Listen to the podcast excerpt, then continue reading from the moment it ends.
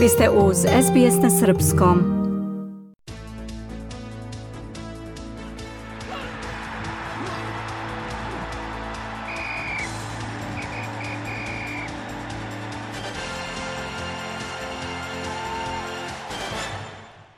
Vaterpolisti Srbije savladali su Nemačku 14 prema 6 u meču drugog kola grupe C Evropskog prvenstva u Zagrebu. Ovim triumfom su Delfini obezbedili prvo mesto u grupi, obzirom da im ostaje još duel sa Maltom. Najefikasniji u srpskoj reprezentaciji bio je Marko Radulović sa četiri gola, a pratio ga je Dušan Mandić sa tri gola. Bayern iz Minhena odavno ima tradiciju objava na srpskom jeziku o uticaju porodice Svetlislava Pešića, njegovog sina Marka, pa velikog broja srpskih igrača koji su prošli kroz taj klub, uključujući kapitena Vladimira Lučića, izlišno je pričati. Ne treba da se ignoriše ni ogromna srpska dijaspora u Nemačkoj. Klub iz Minhena je čestitku napisao na Čirilici. Srpski futbaler Dušan Vlahović doneo je pobedu Juventusu na gostovanju Salernitani 2 prema 1, pošto je bio asistent za izjednačujući gol i strelac pobedonosnog pogotka u nadoknadi meča. Filip Kostić je igrao prvo poluvreme za Juventus. Juventus je ostao drugi na tabeli sa 46 bodova, dva manje od lidera serije A Intera.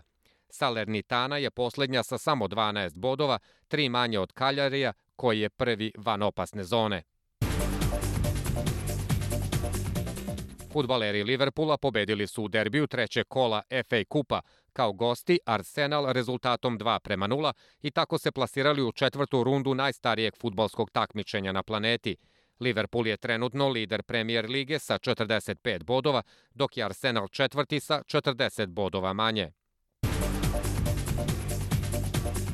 Predsednik Republike Srbije Aleksandar Vučić u gostovanju u jutarnjem programu televizije Pink rekao je da je Beograd kandidat za organizatora Final Fora 2026. i da želi da Srbija ima dva predstavnika na događaju. Posle nagađanja da će glavni grad Srbije biti jedan od kandidata za održavanje nekog od narednih završnih turnira Evrolige, došla je potvrda od predsednika Vučića, Beograd je do sada bio domaćin Final Fora 2018. kada je titulu osvojio Real Madrid predvođen Lukom Dončićem i 2022. kada je titulu podigla ekipa Efesa predvođena Vasilijem Micićem. Srbija trenutno ima predstavnika u Euroligi, Crvenu zvezdu i Partizan, ali oni još uvek nemaju dugogodišnje licence. Srpski reprezentativac Damir Mikec osvojio je još jednu zlatnu medalju u disciplini vazdušni pištolj na turniru u Trzinu u Sloveniji.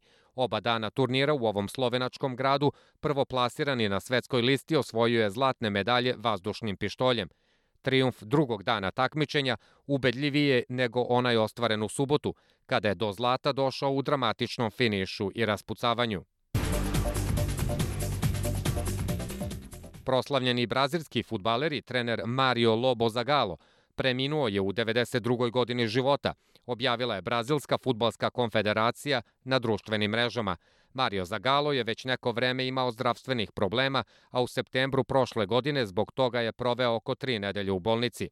Legenda brazilskog i svetskog futbala je jedini šampion sa osvojene četiri titule prvaka planete – Prvi je Brazilac koji je osvajao svetsko prvenstvo, prvo kao futbaler, a potom i kao trener. Učestvovao je na sedam mundijala i dvostruki osvajač svetskog prvenstva kao igrač. Kao napadač je nastupao na mundijalima 1958. i 1962. godine, a 1970. godine je kao selektor vodio do titule prvaka legendarnu generaciju u kojoj su nastupali Pele, Žarzinjo, Tostao, Gerson i Rivellino. Na mundijalu 1994. bio je i pomoćni trener, a četiri godine kasnije u Francuskoj ponovo glavni selektor koji je vodio Brazil do finala svetskog prvenstva, gde su karioke poražene od domaćina. Posle Marija Zagala, samo dve osobe su uspele da osvoje titulu svetskog prvaka kao igrač i trener. To su Nemac Franz Beckenbauer i Francuz Didier Deschamps. SBS ogledalo aktualnih zbivanja u sportu.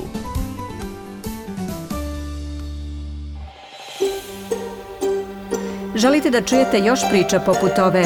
Slušajte nas na Apple Podcast, Google Podcast, Spotify ili odakle god slušate podcast.